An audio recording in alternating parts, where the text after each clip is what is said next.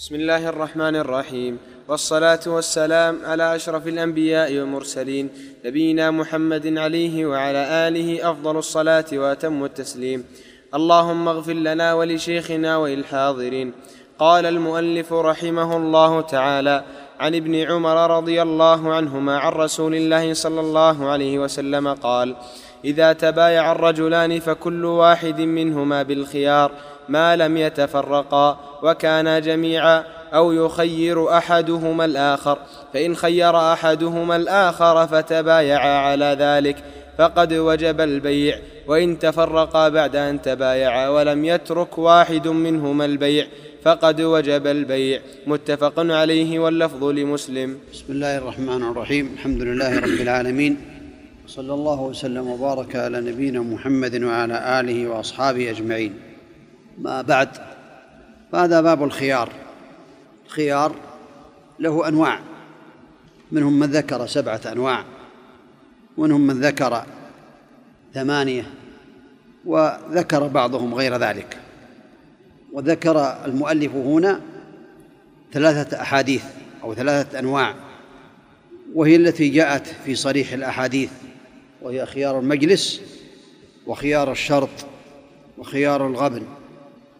والحديث الأول وهذا الحديث في هذا الباب أن النبي عليه الصلاة والسلام قال في هذا الحديث إذا تبايع الرجلان فكل واحد منهما بالخيار ما لم يتفرقا وكان جميعا أو يخير أحدهما الآخر. فإن خير أحدهما الآخر فتبايع على ذلك فقد وجب البيع.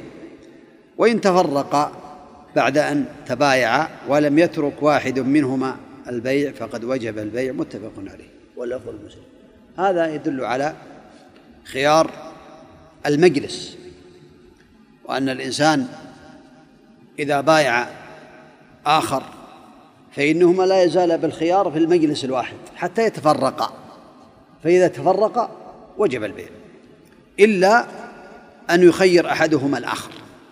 فإذا قال بعتك على أن لا خيار بيننا فوجب فإن البيع قد وجب. إذن هذا يثبت خيار المجلس ما لم يشترط أحدهما على الآخر أنه لا خيار فيتفق على ذلك. نعم. أحسن الله إليك. وعن عمرو بن شعيب عن أبيه عن جده رضي الله عنهم أن النبي صلى الله عليه وسلم قال البائع والمبتاع بالخيار حتى يتفرقا. إلا أن تكون صفقة خيار ولا يحل له أن يفارقه خشية أن يستقيله رواه الخمسة إلا ابن ماجه ورواه الدار قطني وابن خزيمة وابن الجارود وفي رواية حتى يتفرقا عن مكانهما. وهذا الحديث كذلك فيه من الفوائد أن البائع والمبتاع بالخيار حتى يتفرقا يعني هذا يدل على خيار المجلس. إلا أن تكون صفقة خيار.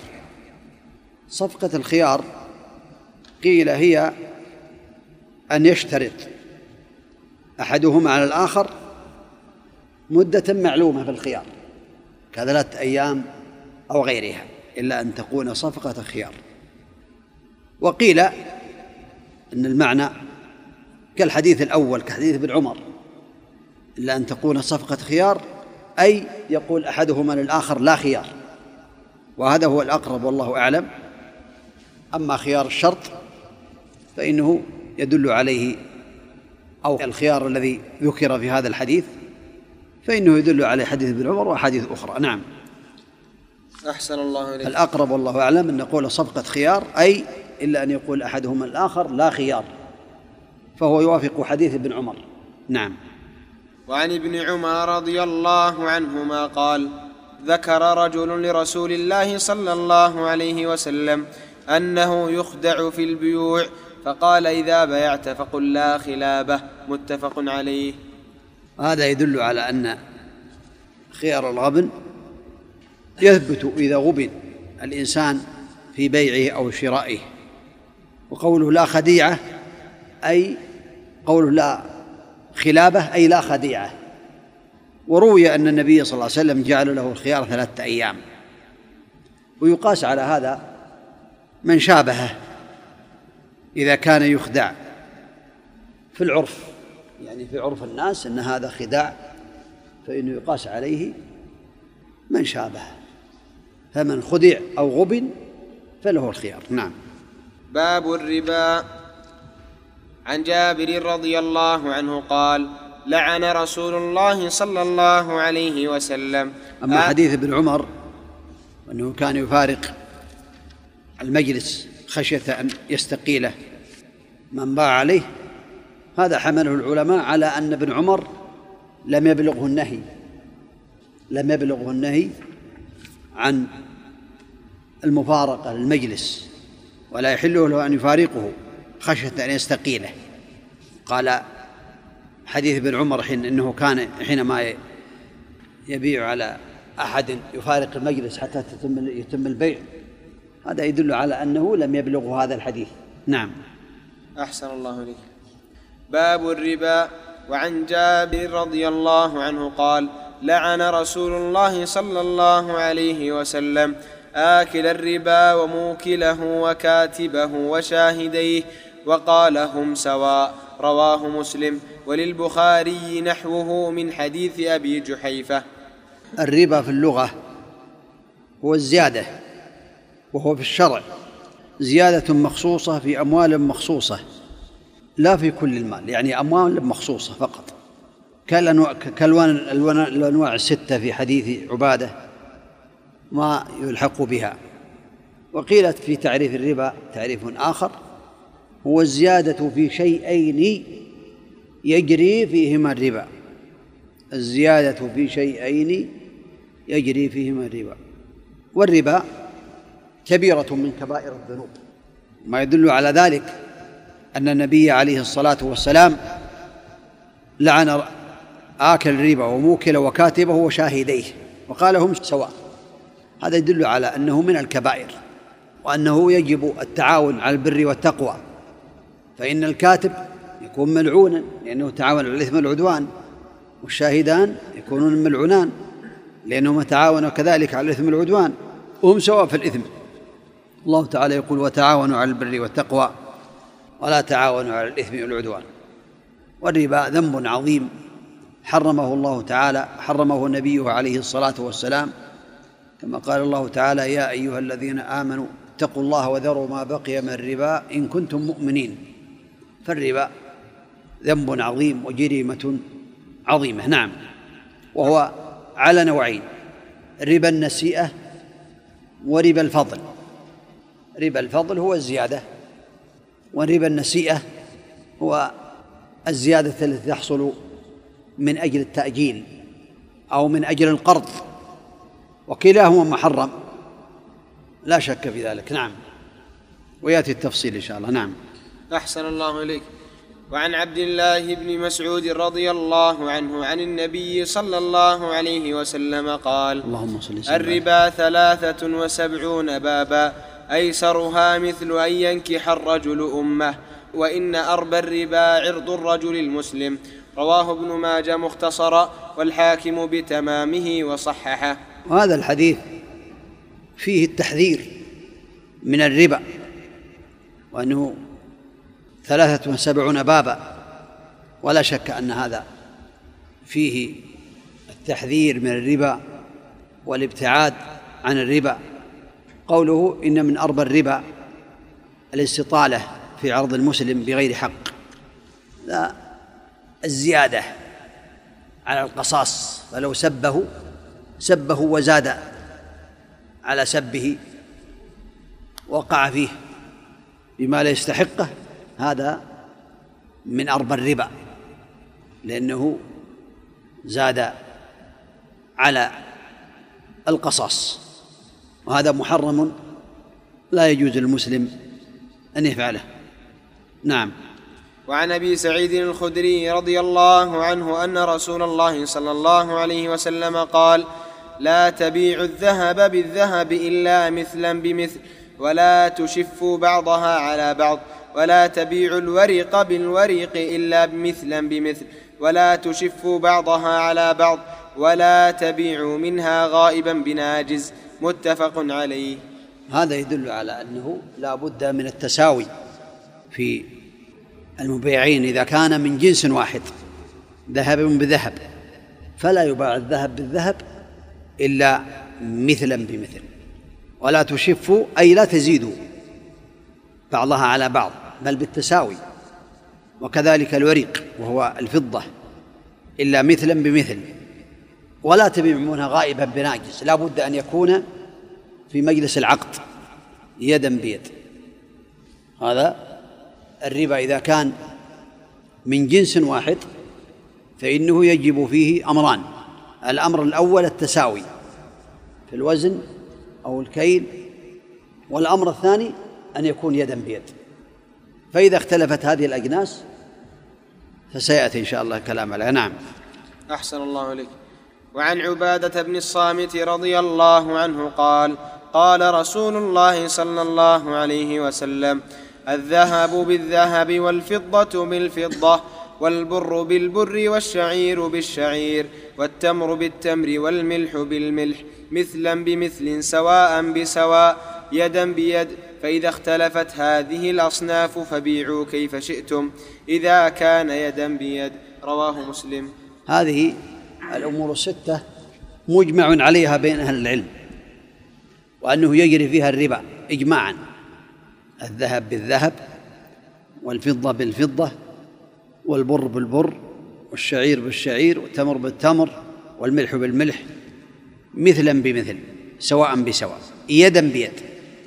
هذه الأمور لا بد فيها من شرطان. الشرط الأول أن تكون مثلا بمثل. في الموزون والمكيل باع عشرين غراما من الذهب بعشرين غراما من الذهب لا يزيد على ذلك بالوزن ويشترط مع ذلك أن يكون يدا بيد وهكذا في هذه الأنواع.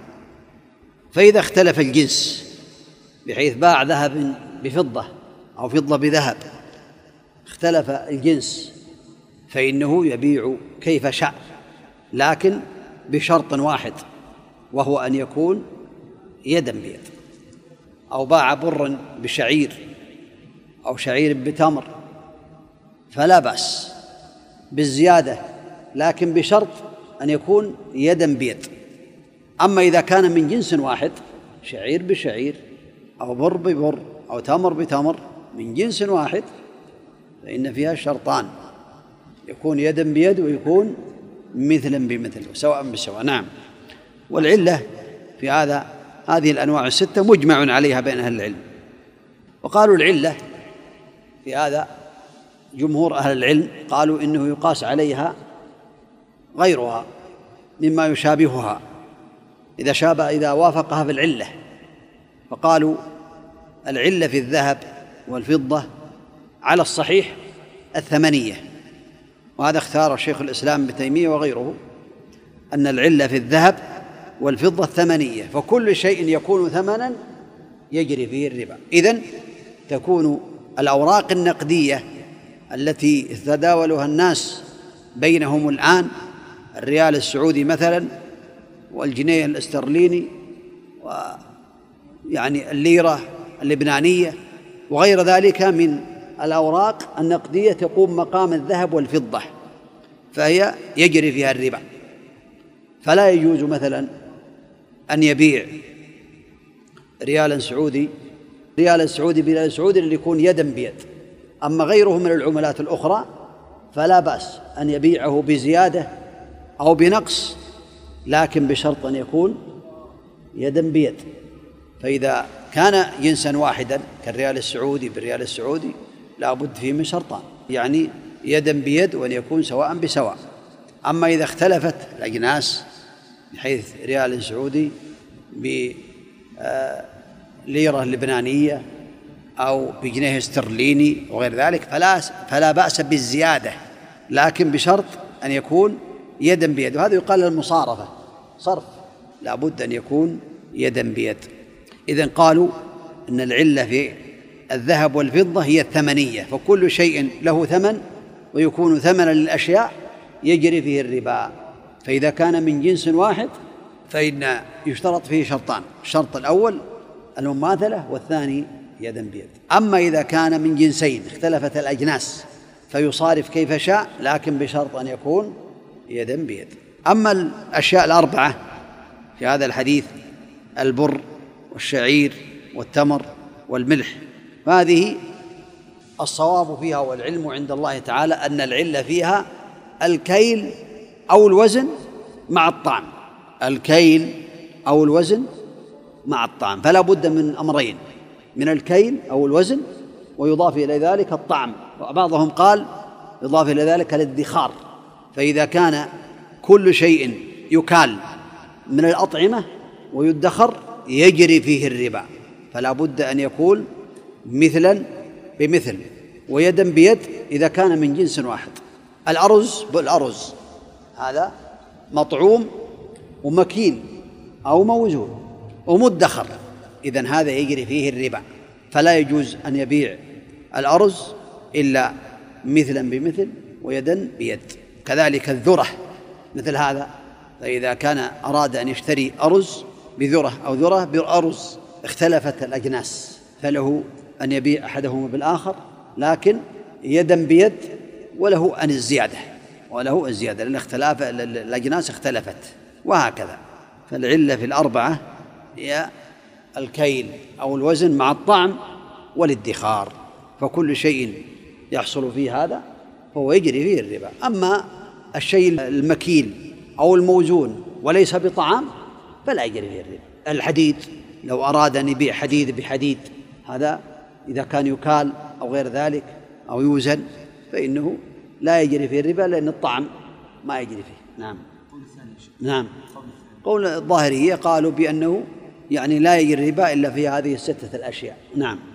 والصواب ما سمعتموه. نعم. أحسن الله إليك.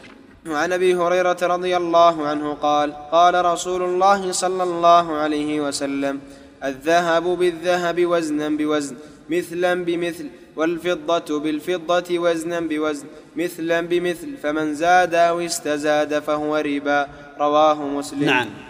هذا كالذي قبله. لا بد من المثلية وأن يكون يدا بيد نعم.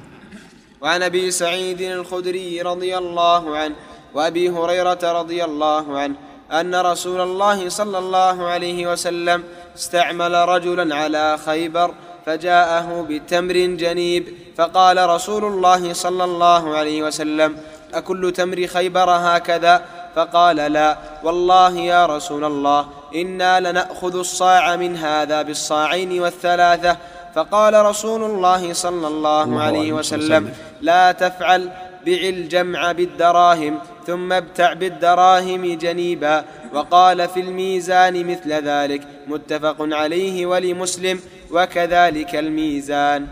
هذا يدل على أن الإنسان إذا أراد تمرا جيدا أو نوعا من أنواع الأطعمة جيدا فلا يشتريه بالردي بأكثر وإنما يريد يبيع الردي الجمع هو التمر الردي يبيعه بالنقود بالدراهم ثم يشتري بالدراهم جنيبا أي تمرا جيدا. أما كونه يبيع نوع بنوع مع الزيادة من أجل الرداءة فلا يجوز. هذا ربا.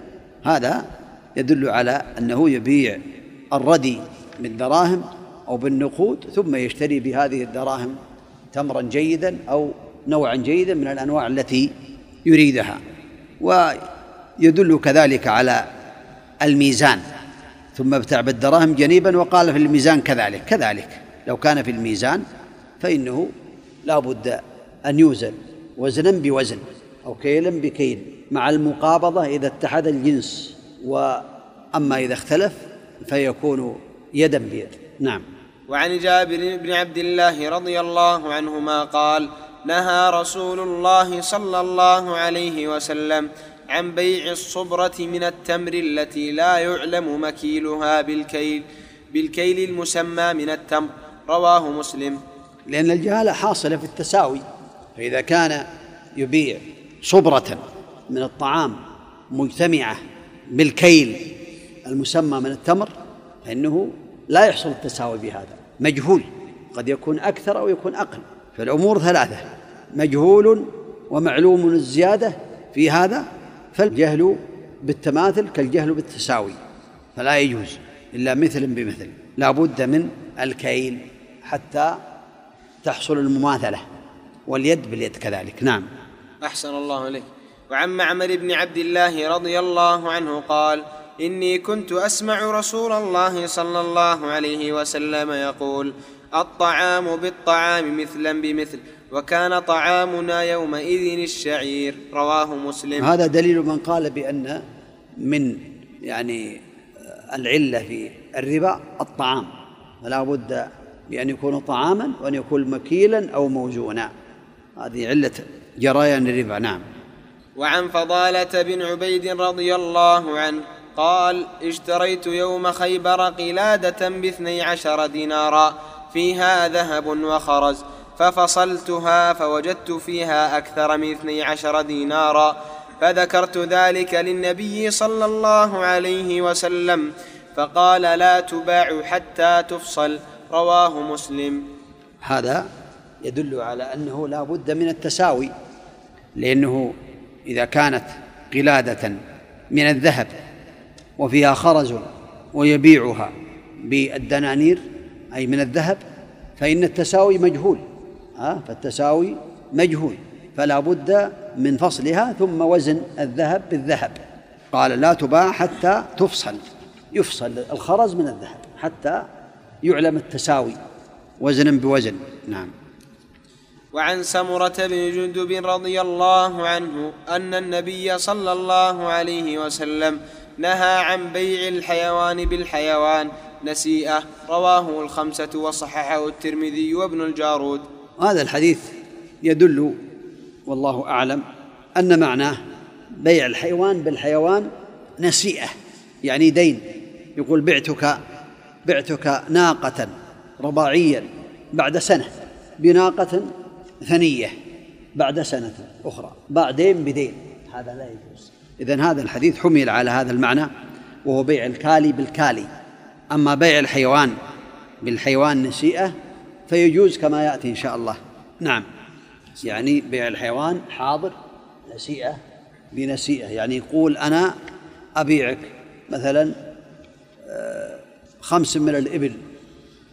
الآن بعشر من الإبل بعد ستة أشهر. فلا بأس بذلك. نعم. أعطيك خمسا الآن تعطيني بعد عشر أشهر عشرا فلا بأس. نعم. يأتي هذا. قوله الحيوان. الحيوان؟ الأولى الأولى مسكنة الياء والثانية مفتوح. مكتوب عندك؟ ما في عليها شيء. الأولى؟ خل لا الحيوان بالحيوان. نعم. نفس الحيوانين. نعم. أحسن الله عليك.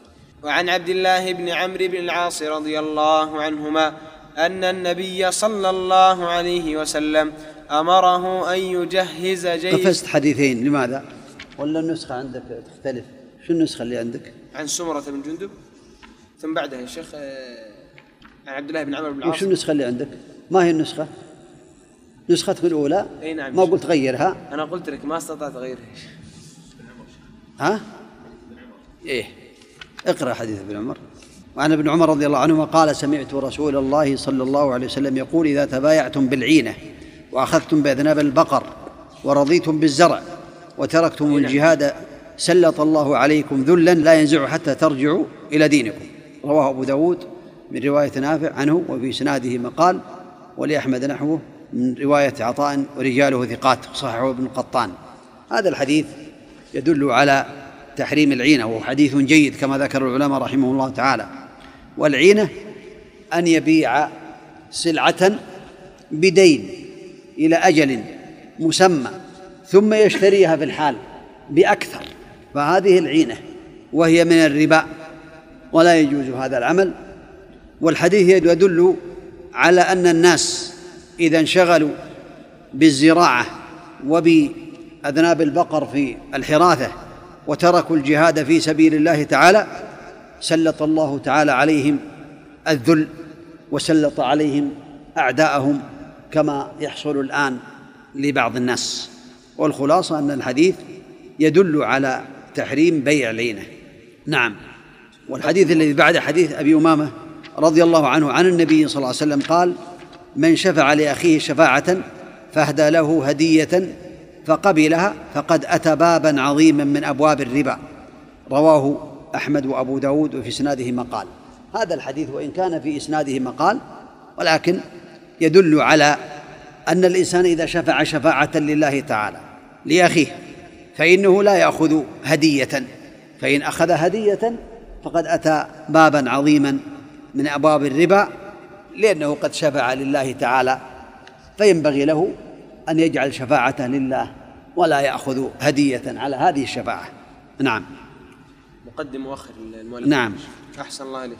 وعن عبد الله بن عمرو بن العاص رضي الله عنهما أن النبي صلى الله عليه وسلم أمره أن يجهز جيشا فنفدت الإبل فأمره أن يأخذ على قلائص الصدقة.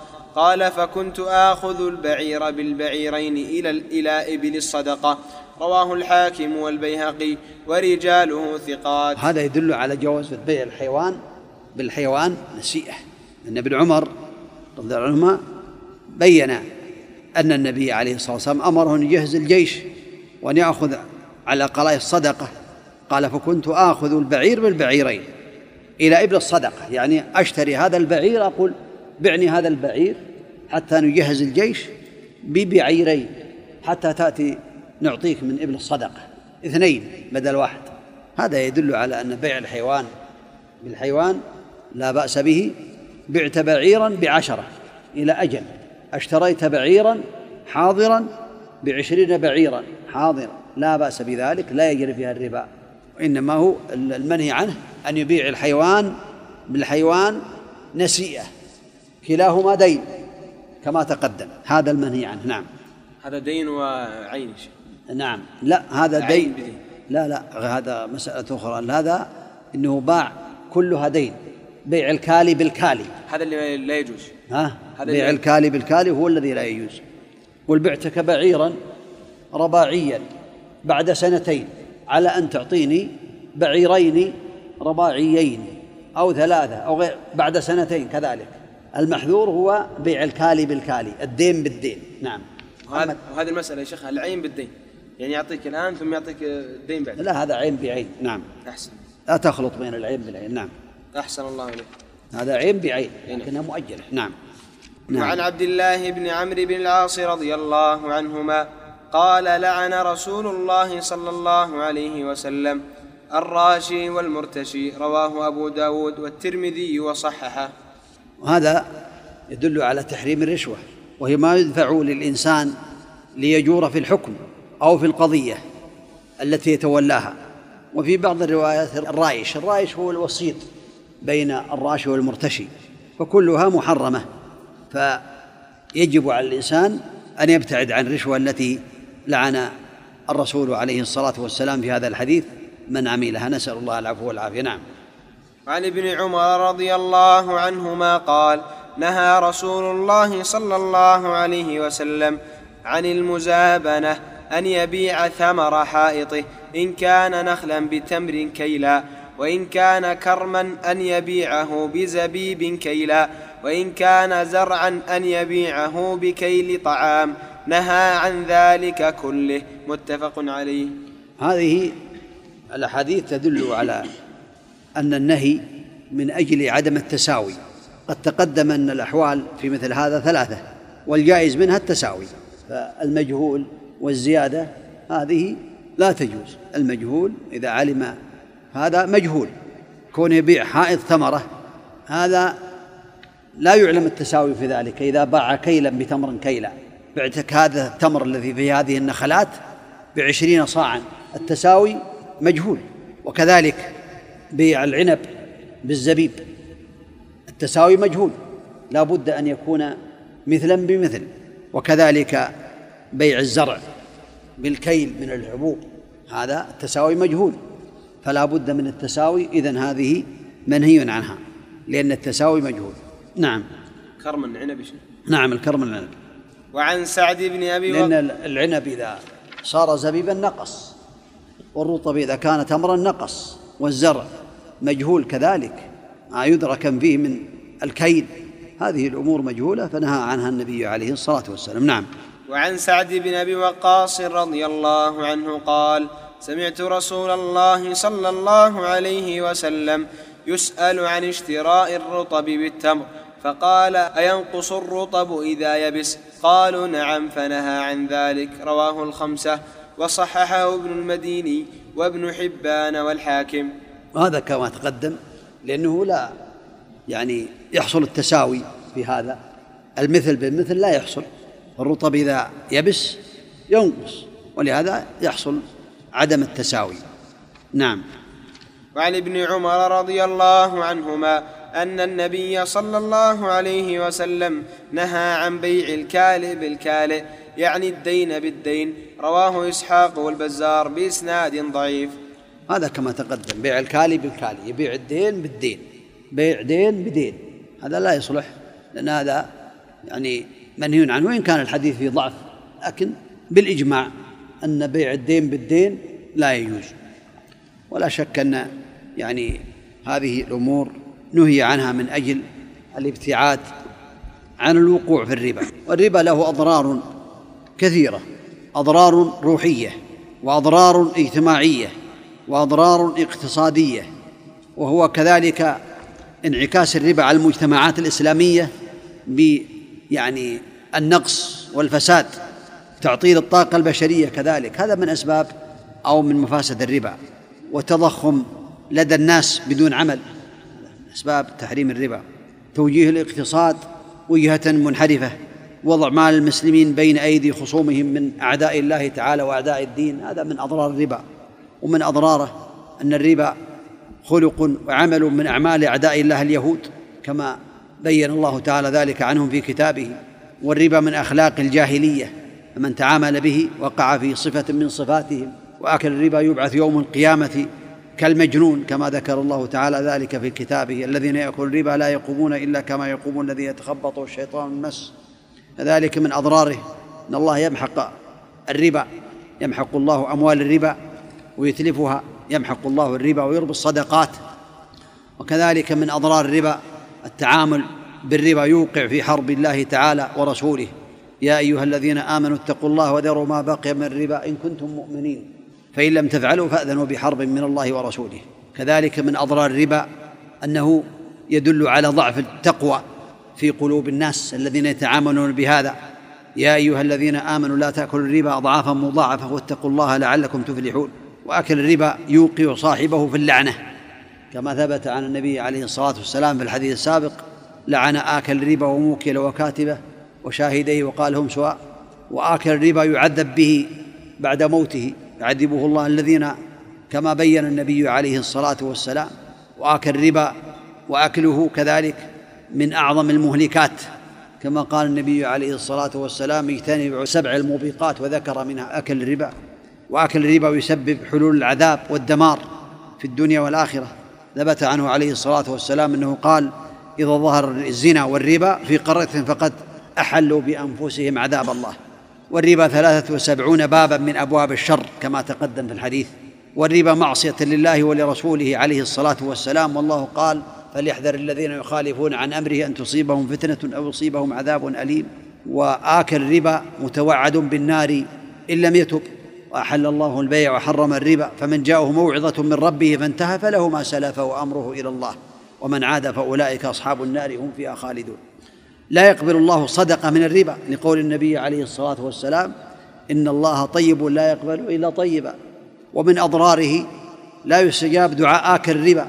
ولهذا ذكر النبي عليه الصلاة والسلام الرجل يطيل السفر أشعث أغبر يمد يديه إلى السماء يا رب يا رب ومطعمه حرام ومشربه حرام وملبسه حرام وغذي بالحرام فأنى يستجاب لذلك. أكل الربا يسبب قسوة القلوب ودخول الران عليها. كما بين الله تعالى ذلك كلا بران على قلوبهم ما كانوا يكسبون. أكل الربا يكون سببا في الحرمان من الطيبات ومن أضراره أن أكل الربا ظلم والظلم ظلمات يوم القيامة. وآكل الربا يحال بينه وبين أبواب الخير لأنه إذا أراد أن يتصدق أو أراد أن يقرض يعلم بأنه لا يأتيه ربح في الدنيا فهو يحاول أن يستعمل هذا المال من أجل الزيادة. والربا يقتل مشاعر الشفقة عند الإنسان لأن المرابي لا يتردد في تجريد المدين من جميع أمواله عند قدرته على ذلك.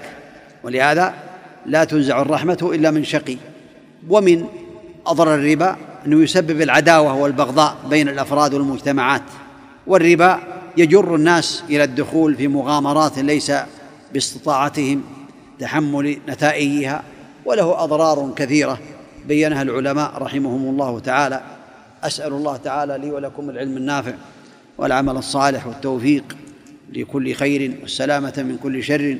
صلى الله وسلم وبارك على نبينا محمد وعلى آله وأصحابه أجمعين.